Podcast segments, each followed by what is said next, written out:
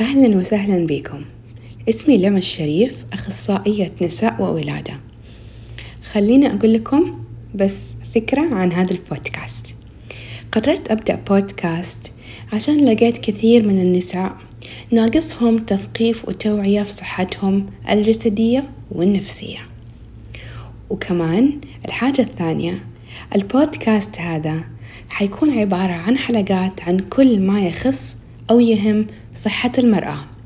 تقدري تسمعيه في أي مكان سواء أنت في البيت أو أنت في الدوام سواء رايحة للدوام أو راجعة من الدوام قاعدة تنظفي في البيت أو تطبخي.